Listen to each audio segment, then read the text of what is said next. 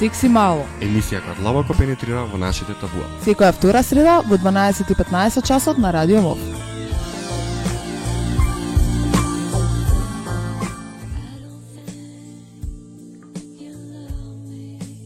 Здраво на сите, Хера е повторно во етерот, Хера е повторно во Радио Мов, Булин е тука како поддршка, ова сум јас Беле. Здраво, јас Мани. Ја да се представам, јас сум Маци.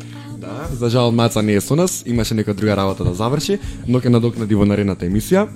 Барем А- така кажа она, извини. Да, ајде ќе видиме баш дали ќе си стои на зборот. А, до сега зборевме за имавме две теми на Радио Мов во последно време кои се така малце поактуелни, тоа беа емисијата за дискриминација, емисијата за ЛГБТ популацијата. И денешната емисија ние сите решивме да направиме мал, мало продолжение да биде на претходните две и на некој начин представува сумирање на претходните две теми. И нормално јас како единствено машко тука ќе си земам за право да направам вовед во темата. Немој вака да почнеш да за дискриминација од почеток, ќе те молам. Не, сега ради кафето, малце така да, да, да се искористам максимално да позборам. Да, да, да, може, може. А, денешната емисија а, ќе биде за МСМ популацијата, односно а, популацијата која се дефинира како мажи кои што имаат а, сексо мажи. А, најчесто ова ова ова популација на ЛГБТ се поистоветува со а, значи со хомосексуалци, но во претходните две емисии спомнавме на неколку пати дека Македонија не само на балканско ниво, туку и на европско ниво е на самото дно во однос на почитувањето на човековите права, особено на маргинализираните заедници. Така да и оваа популација на МСМ исто така е една од најмаргинализираните, најдискриминирани во општеството, токму поради а, непостоење на односно постоење на закони кои што го криминализираат нивното однесување, што значи а, ним оневозможува да си ги оствара своите основни човекови права, па вклучувајќи го и правото на пристап до до здравствени услуги. А, јас напоменав дека МСМ означува а, е скратеница фактички од мажи кои што имаат секс со мажи, но што значи тоа? А, со цел подобро да се свади. А, МСМ е термин со кој се опфаќаат сите мажи кои што практикуваат секс со други мажи, значи со взаемна согласност, без разлика, ова е многу важно, значи без разлика дали тие практикуваат секс со жени и дали се поистоветуваат со одреден сексуален идентитет, а тука се а, во групата и а, мажите сексуални работници. Во основа значи дека да се биде дел од групата МСМ не значи дека по дефолт треба да се биде хомосексуалец. А, мажите кои имаат секс со мажи можат себе си да се идентификуваат како геј, како бисексуалец, како хетеросексуалец или со други условини од културата сексуални идентитети. А, она што исто сакам да го напоменам, да не ми дава знак нешто на сака да каже, но само да не изгубам мислата, дека а, МСМ а, може да биде а, некој некој некој машко се чувствува како МСМ само во одреден период поради а, принудни услови, на пример, да ги спомнам затворениците или луѓе кои што живеат во позатворени средини, па нема како да си ги остварат своите сексуални желби, па ете во одреден период практикуваат сексуални односи со други мажи, повелјани. Да, јас сакам само накратко да се надоврзам дека за МСМ за мажите кои имаат секс со мажи, дека која спомнати дека се идентификуваат себе си како геј, бисексуални, бисексуални, хетеросексуални и слично, а, тие може да се се иде- идентификуваат и како она што себе си натре како што се сочувствуваат, дали се они хетеросексуалци, транссексуалци, бисексуалци, независно. Зависно од своите нели сексуални идентитети. Токму тоа е основната дефиниција дека се подразбира а, значи машко кој има сексуален однос со маж без разлика каква е неговата сексуална а, ориентација Ориентација. и идентификација. А, исто така, а, кога сме више кај дискриминација, а, терминот а, педер, кој што се, се најчесто се користи од општата популација, и тоа нормално се користи во а, хомонегативна а, конотација, А додека кога кога ќе се потреби терминот МСМ, односно МСМ, што не е така баш добро познат во ам, општата популација, сепак се се става знак еднакво помеѓу хомосексуалноста и помеѓу мажите кои што имаат а, сексо а, сексо мажи. Се мешаат да тие два термини, затоа нели тука сме да ги разјасниме поубаво. Убаво. Да звучат нели поубаво. Ако на нешто што а, треба да сме срекни што сме на на дното, тоа е а, во однос на ХИВ инфекцијата дека Македонија меѓу оние земји во Југоисточна Европа што има а, многу мала стапка на на ХИВ инфекција, но а, слично како и во останатите земји на глобално ниво, ХИВ инфекцијата меѓу геј мажите и другите мажи, односно мажите кои што имаат секс со мажи, значи има несразмерен а, несразмерен а, ефект. Е па веле чим го даде воведот во темата денешна, јас Бе, веднаш. Да, да, да. Ва- Јас веднаш би продолжила со законските одредби и политики и културолошкиот контекст. А, без разлика значи, на нивниот ХИВ статус, во Македонија не постојат посебни законски одредби кои ги заштитуваат МСМ од стигма и дискриминација во нивните живеалишта или на работното место. Хомосексуалноста во Македонија не е забранета, но не постои јасна одредба за возраста, за давање согласност за стапување во сексуални односи. Иако сексуалните односи меѓу мажите се нелегал, не се нелегални, пардон, врските меѓу лица од ист пол се јавно стигматизирани, а јавното мислење во однос на хомосексуалноста претежно е негативна. Новиот закон за антидискриминација не ја вклучува сексуалната ориентација како основа за недискриминација. Извинјање, мислам дека за ова многу разглававме на прошлата или предпрошлата Да, да, емисија, да. баш се задржавме многу. Тука да имаше доста голема поголема дебата од од што го очекувавме. И а, кривичниот а, законник не содржи одред, одредба за криминал од омраза. Значи, после Веле и Јани, што едноставно не можеа да прекинат со зборање, тешко зима воздух, хајде малку да ги заменам и да кажам збор два јас.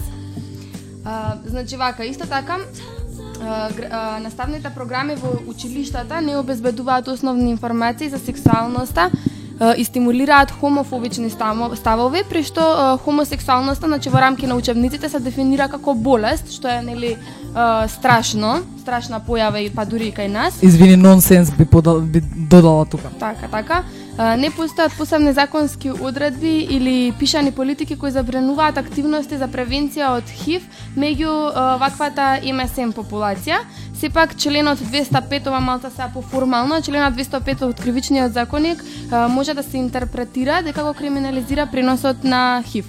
Националната стратегија за ХИВ од 2007 година до 2011 година, значи по тој период што се спроведувала, е единствената пишана политика која го ги адресира потребите на МСМ популацијата поврзани со сексуалното здравје и ХИВ, ХИВ и сепак оваа стратегија се фокусира единствено на превенција од ХИВ. Потребите поврзани со сексуалното и репродуктивното здравје за жал не се земани во предвид.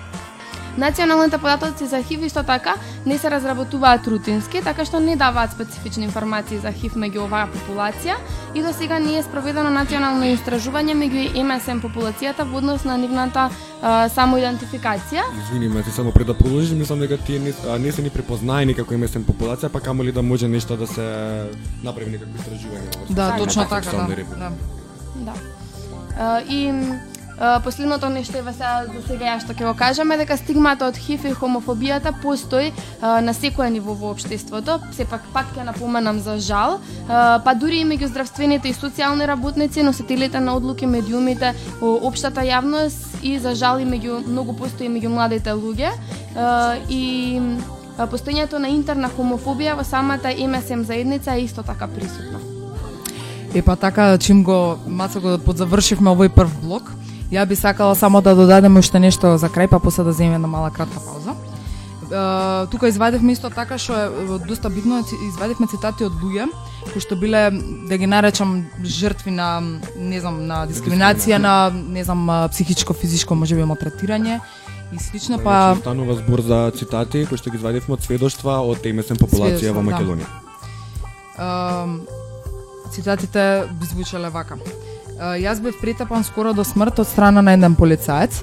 Кога се обидов да го пријавам случајот во локалната полициска, полициска станица, бев толку понижен што никогаш не се вратив да поднесам тужба.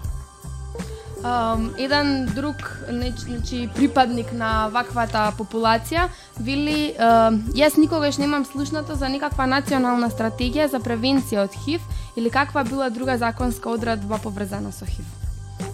Ние треба да знаеме и да бидеме информирани за нашите сексуални и репродуктивни права. Кривичниот законник влијае негативно на лицата кои живеат со ХИВ. Ако си ХИВ позитивен, а некој те тужи поради пренос на ХИВ, ти ќе бидеш осуден заради ХИВ статусот, а не поради самото криминално дело. Така. Uh, исто така друг член на, на ваквата популација вика дека uh, постои двојна дискриминација во здравствените институции, дека првично дека си ром, а потоа дека си и МСМ во исто време и луѓето одбиваат да побараат помош или информација во институциите. И последниот цитат за сега. А, една изјава вика, постои завист и обесхрабрување, обесхрабрување во самата МСМ заедница, особено кога твоите пријатели те озборуваат зад грб дека си педар. Ке ни требаат уште 30 години за да надминеме хомофобијата кога, ко- која се јавува меѓу нас. Со ова мислам дека го завршуваме првиот блок. Ја мислам дека идеме, треба да идеме со една мала кратка пауза, па ќе се вратиме назад. Да, и јас сега немам никаков право да а, кога сме ќе дискриминација да одберам ниту едно парче музика, мај да се надеваме ни се ова нешто убаво.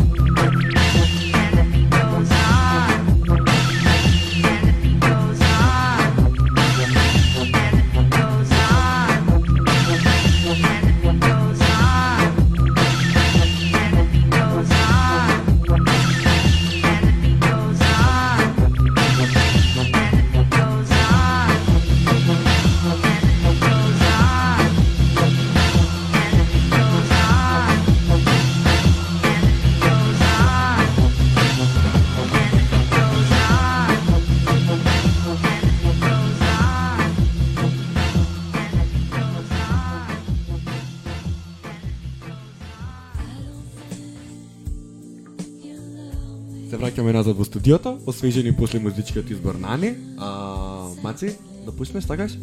Ајде вака, значи наредно нешто за што ќе збориме се главните пречки за МСМ популацијата во однос на достапноста на услугите за ХИВ и СИП, сексуално и репродуктивно здравје. Значи вакви како вакви пречки ние ги наведуваме стравот дека доверливоста ќе биде нарушена, исто така ставовите на родителите и пријателите што се нели многу вни- влијателни во наше воопштество. Застрашувачки, но сепак постојат ставовите на здравствените работници во институциите, локацијата, на местата кои обезбедуваат услуги, особено оние кои што се надвор од Скопје, и цената на услугите што посебно ги засега најсиромашните и оние кои немаат здравствено осигурување. А, исто така би сакала да се надоврзам на, а, Маци до, на досега кажаното на Маци.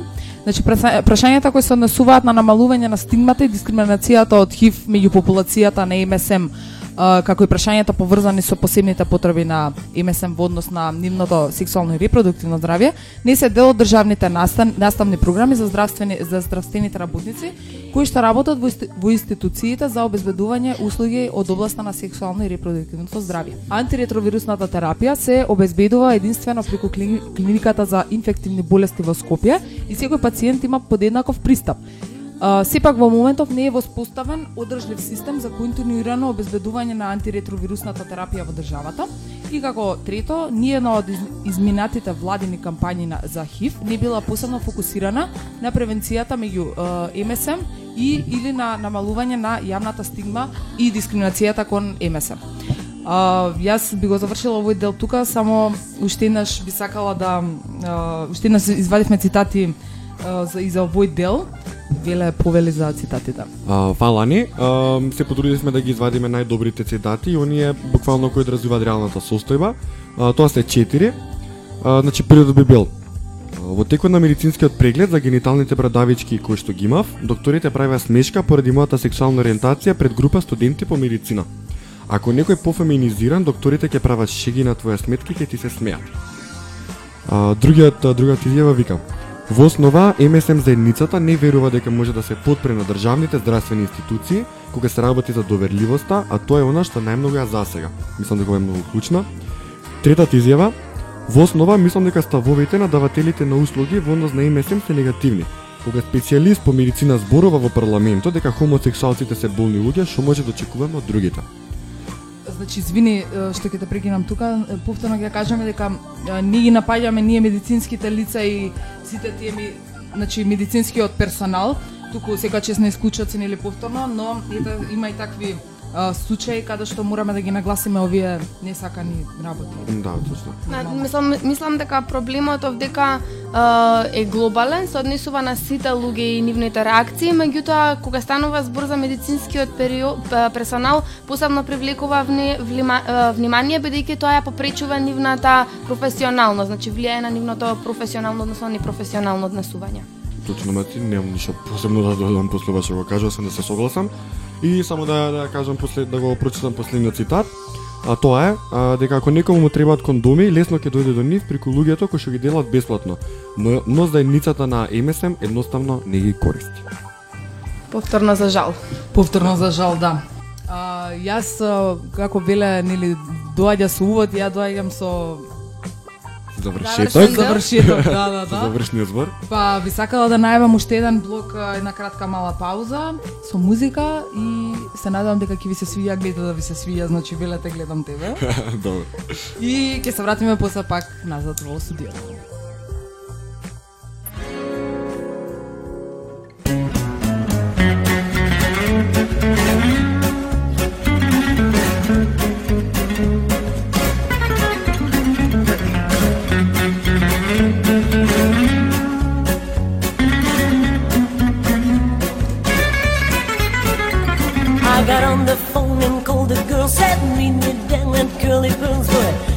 Na na na. Na na na. In my high heel shoes and fancy fads, I ran down the stairs, hailed me a cab going. Nay na na na. Nay na na na. Nay na na na. Nay na na na. Oh na nay na na na. Nay na na na. Na na na.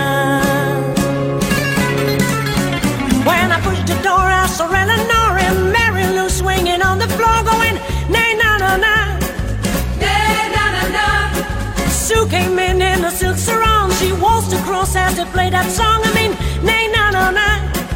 Nay, na, na, na. na na, na, na. na na, na, na. Oh, na, na na, na, na. Nay, na, na, na.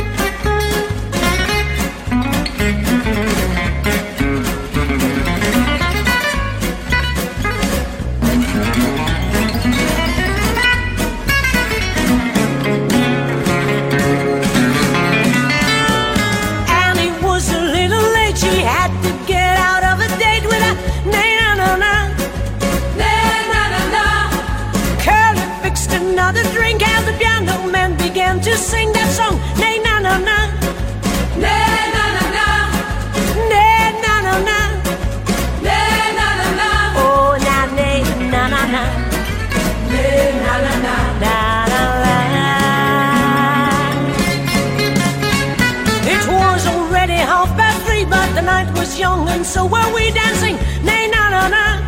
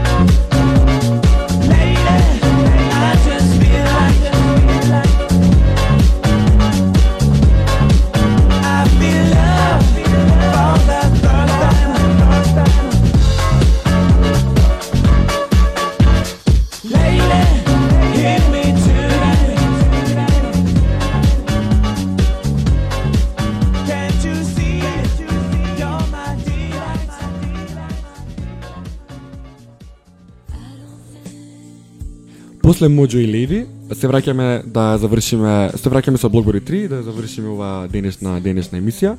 После големото разглавање на оваа тема за МСМ и, и ХИФ и дискриминација со Ани и со Маци, повторно ми дозволија јас да ги имам во видот во Блокбори 3. Јас би сакал да кажам дека врз основа нова свидетелство на цитатите досега што ги кажавме и на сето она што досега го зборевме општо за МСМ популацијата, можеме да препорачаме на голем број на акции за програми, политики и финансирање со остварување на една единствена цел, а тоа е да се зајакне превенцијата на ХИВ меѓу мажите кои што имаат секс со мажи во Република Македонија. А, важните а, личности, односно главните актери а, со цел остварување на ова на на а, о- оваа цел би биле владините, не, а, меѓувладините и невладините организации, вклучувајќи ги донаторите, а, а, со цел да превземат а, неколку неколку акции. А, јас би ги кажал оние за оние законски одредби кои што треба да се вметнати, односно треба да се смени, а тоа е да се вклучи сексуалната ориентација, родовиот идентитет и родовото изразување како посебни основи за недискриминација во рамките на Законот за заштита од дискриминација и фала Богу да се осигури нивната неговата примена. А, да се осигури дека Законот за заштита на пациенти, особено во делот за недискриминацијата по основа на сексуалната ориентација, ефективно се спроведува, А, она што за ние имавме целосна а, и многу добра и целосна емисија, тоа е да се за да се секс- сексуално образование, а тоа е да се воведе задолжително сеопфатно сексуално образование, започнувајќи од основното образование, да се ревидираат и да се отстранат сите хомонегативни и хомофобични информации во учебниците и да се вклучи сеопфатното сексуално образование а, во, наста, во наставните подготвителни програми а, кај не И не кај здравствените Кај работници, да.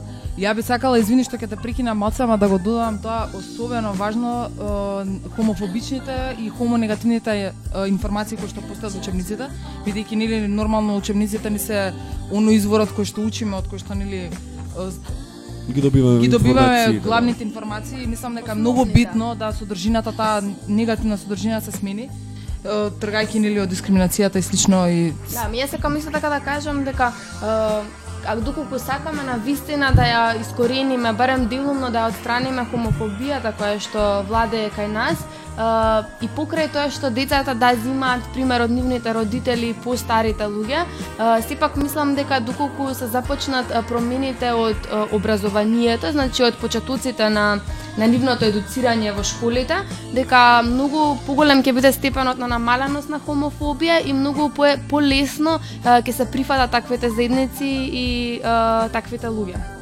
Значи фактички од корен да се смени би рекла еден цел целиот тој образовен систем, значи Да, во однос на ова прашање, да. во однос на тоа, да. Во секој случај по-тешко е да се смена ставовите на, На нашите постарите, родители, на да. постарите, Да, да. отколку на нашите на самите себе си, на врсниците со кои поминуваме поголем дел од текот на денот Така, така. Меѓутоа тоа е еден да. процес, мислам дека еден многу тежок процес, затоа треба да се започне од една мртва точка. Значи сега сме ние у у период каде што воопшто се игнорира темата, се игнорира постоењето на на вакви групи и е, не се признава дека ваквите групи не само што постојат, туку и дека се дискриминирани нормално.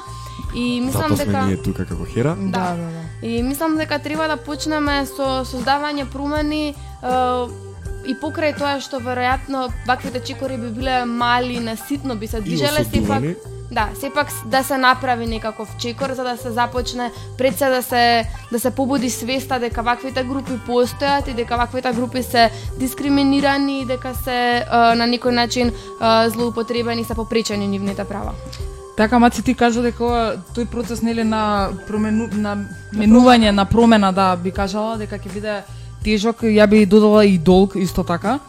Но поубаво е, како што кажи исто така да се почне сега, колку побрзо толку подобро и многу подобро е да ги фатиме ние мали генерации, оние е, помали, не знам, основци, Значи, средношколци. меѓу Да, фактички младинската она популација да фатиме подобро и да ги искорениме тие, да. да. И исто тие така за мислења да се за да се дојде до до оваа цел покрај претходно споменатите законски одредби што ги спомна Вела, е, треба да се обезбедат и посебни буџетски средства за за МСМ популацијата во рамки на националната превен, превентивна програма за ХИВ со цел да се гарантира е, поголема финансиска одржливост и препознатливост на заедницата, значи тоа е многу битно препознатливоста на заедницата дека постои дека е тука и како една од најсе која што се истакнува како една од засегнатите а, групи со поголем ризик и изложеност од ХИВ во рамки на националните буџети и политики, нели? Да беше Маца тука, ќе кажеше апсолутно. Апсолутно точно. Така. А, значи, наредно нешто за што ќе зборуваме е расположливоста на услугите. Со цел да се зголеми бројот на превентивни сервиси за МСМ популацијата,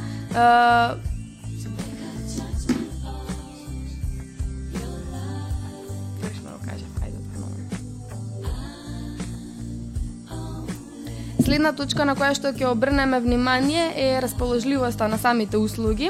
А, да се зголеми, значи пред се треба да се зголеми бројот на превентивни цир, цин, сервисни центри а, за МСМ надвор од главниот град, нели кај нас се најмногу застапени покрај тоа што си тука ги има у мал број, сепак се а, многу повпечатливи, по многу бројни од за разлика од останатите околни градови.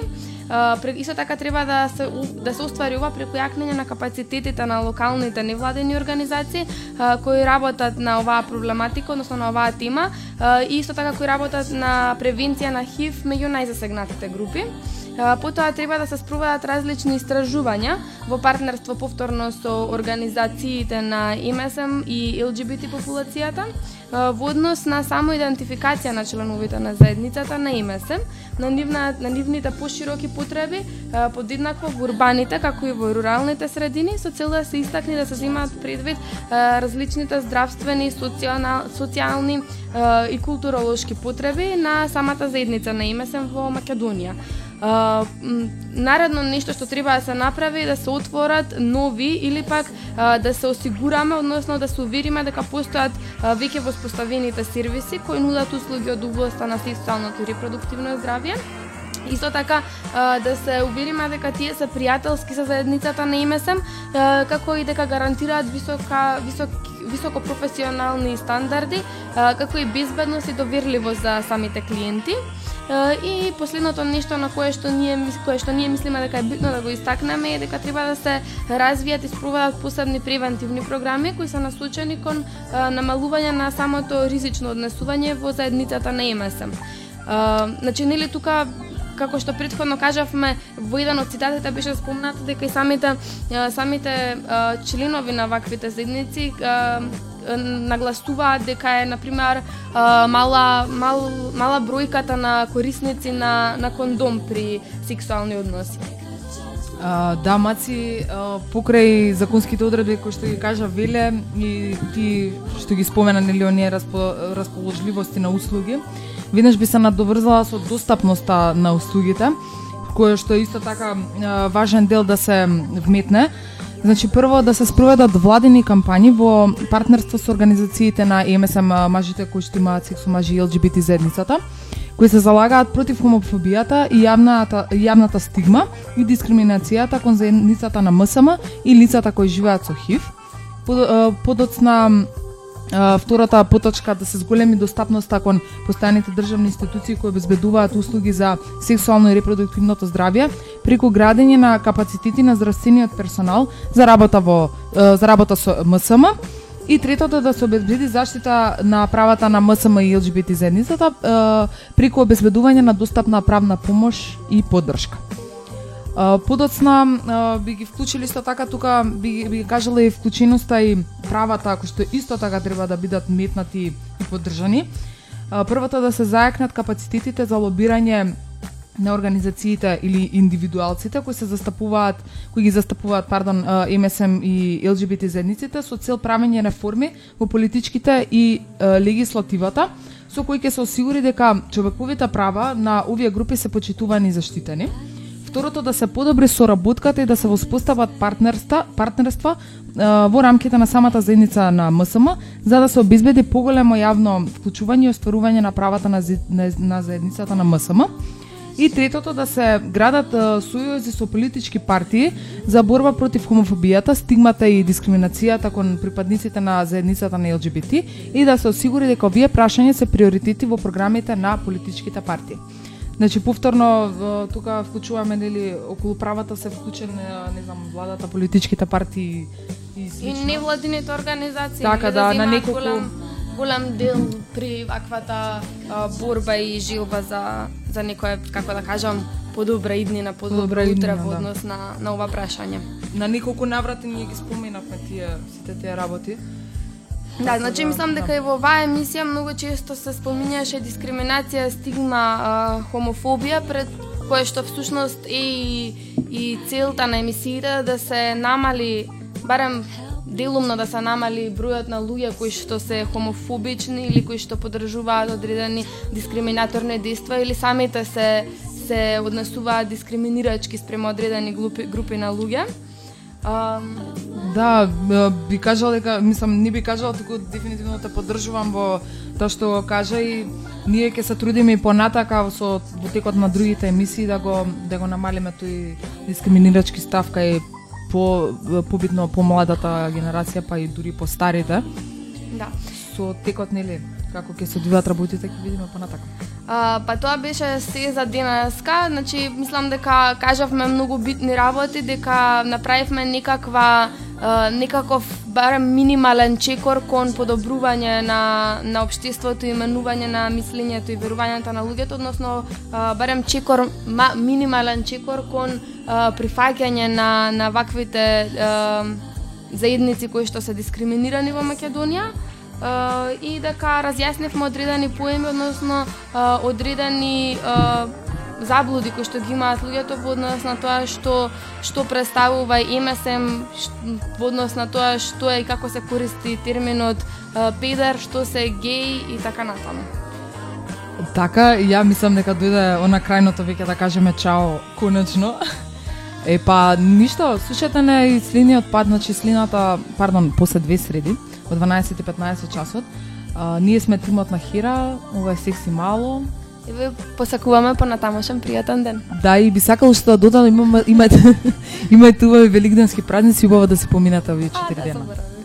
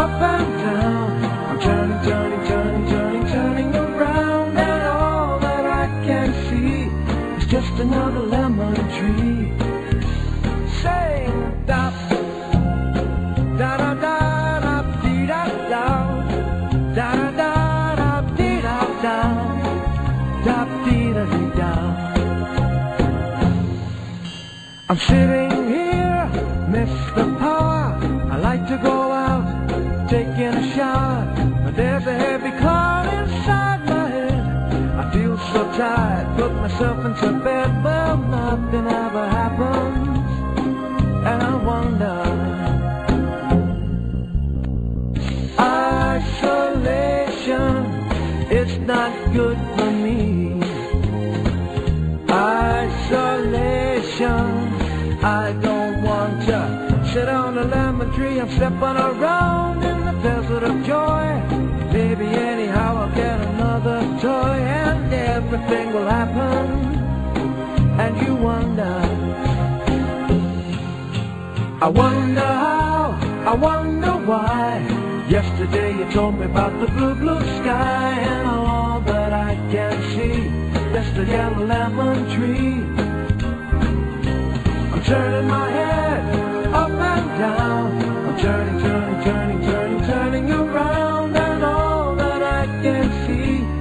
just a yellow lemon tree.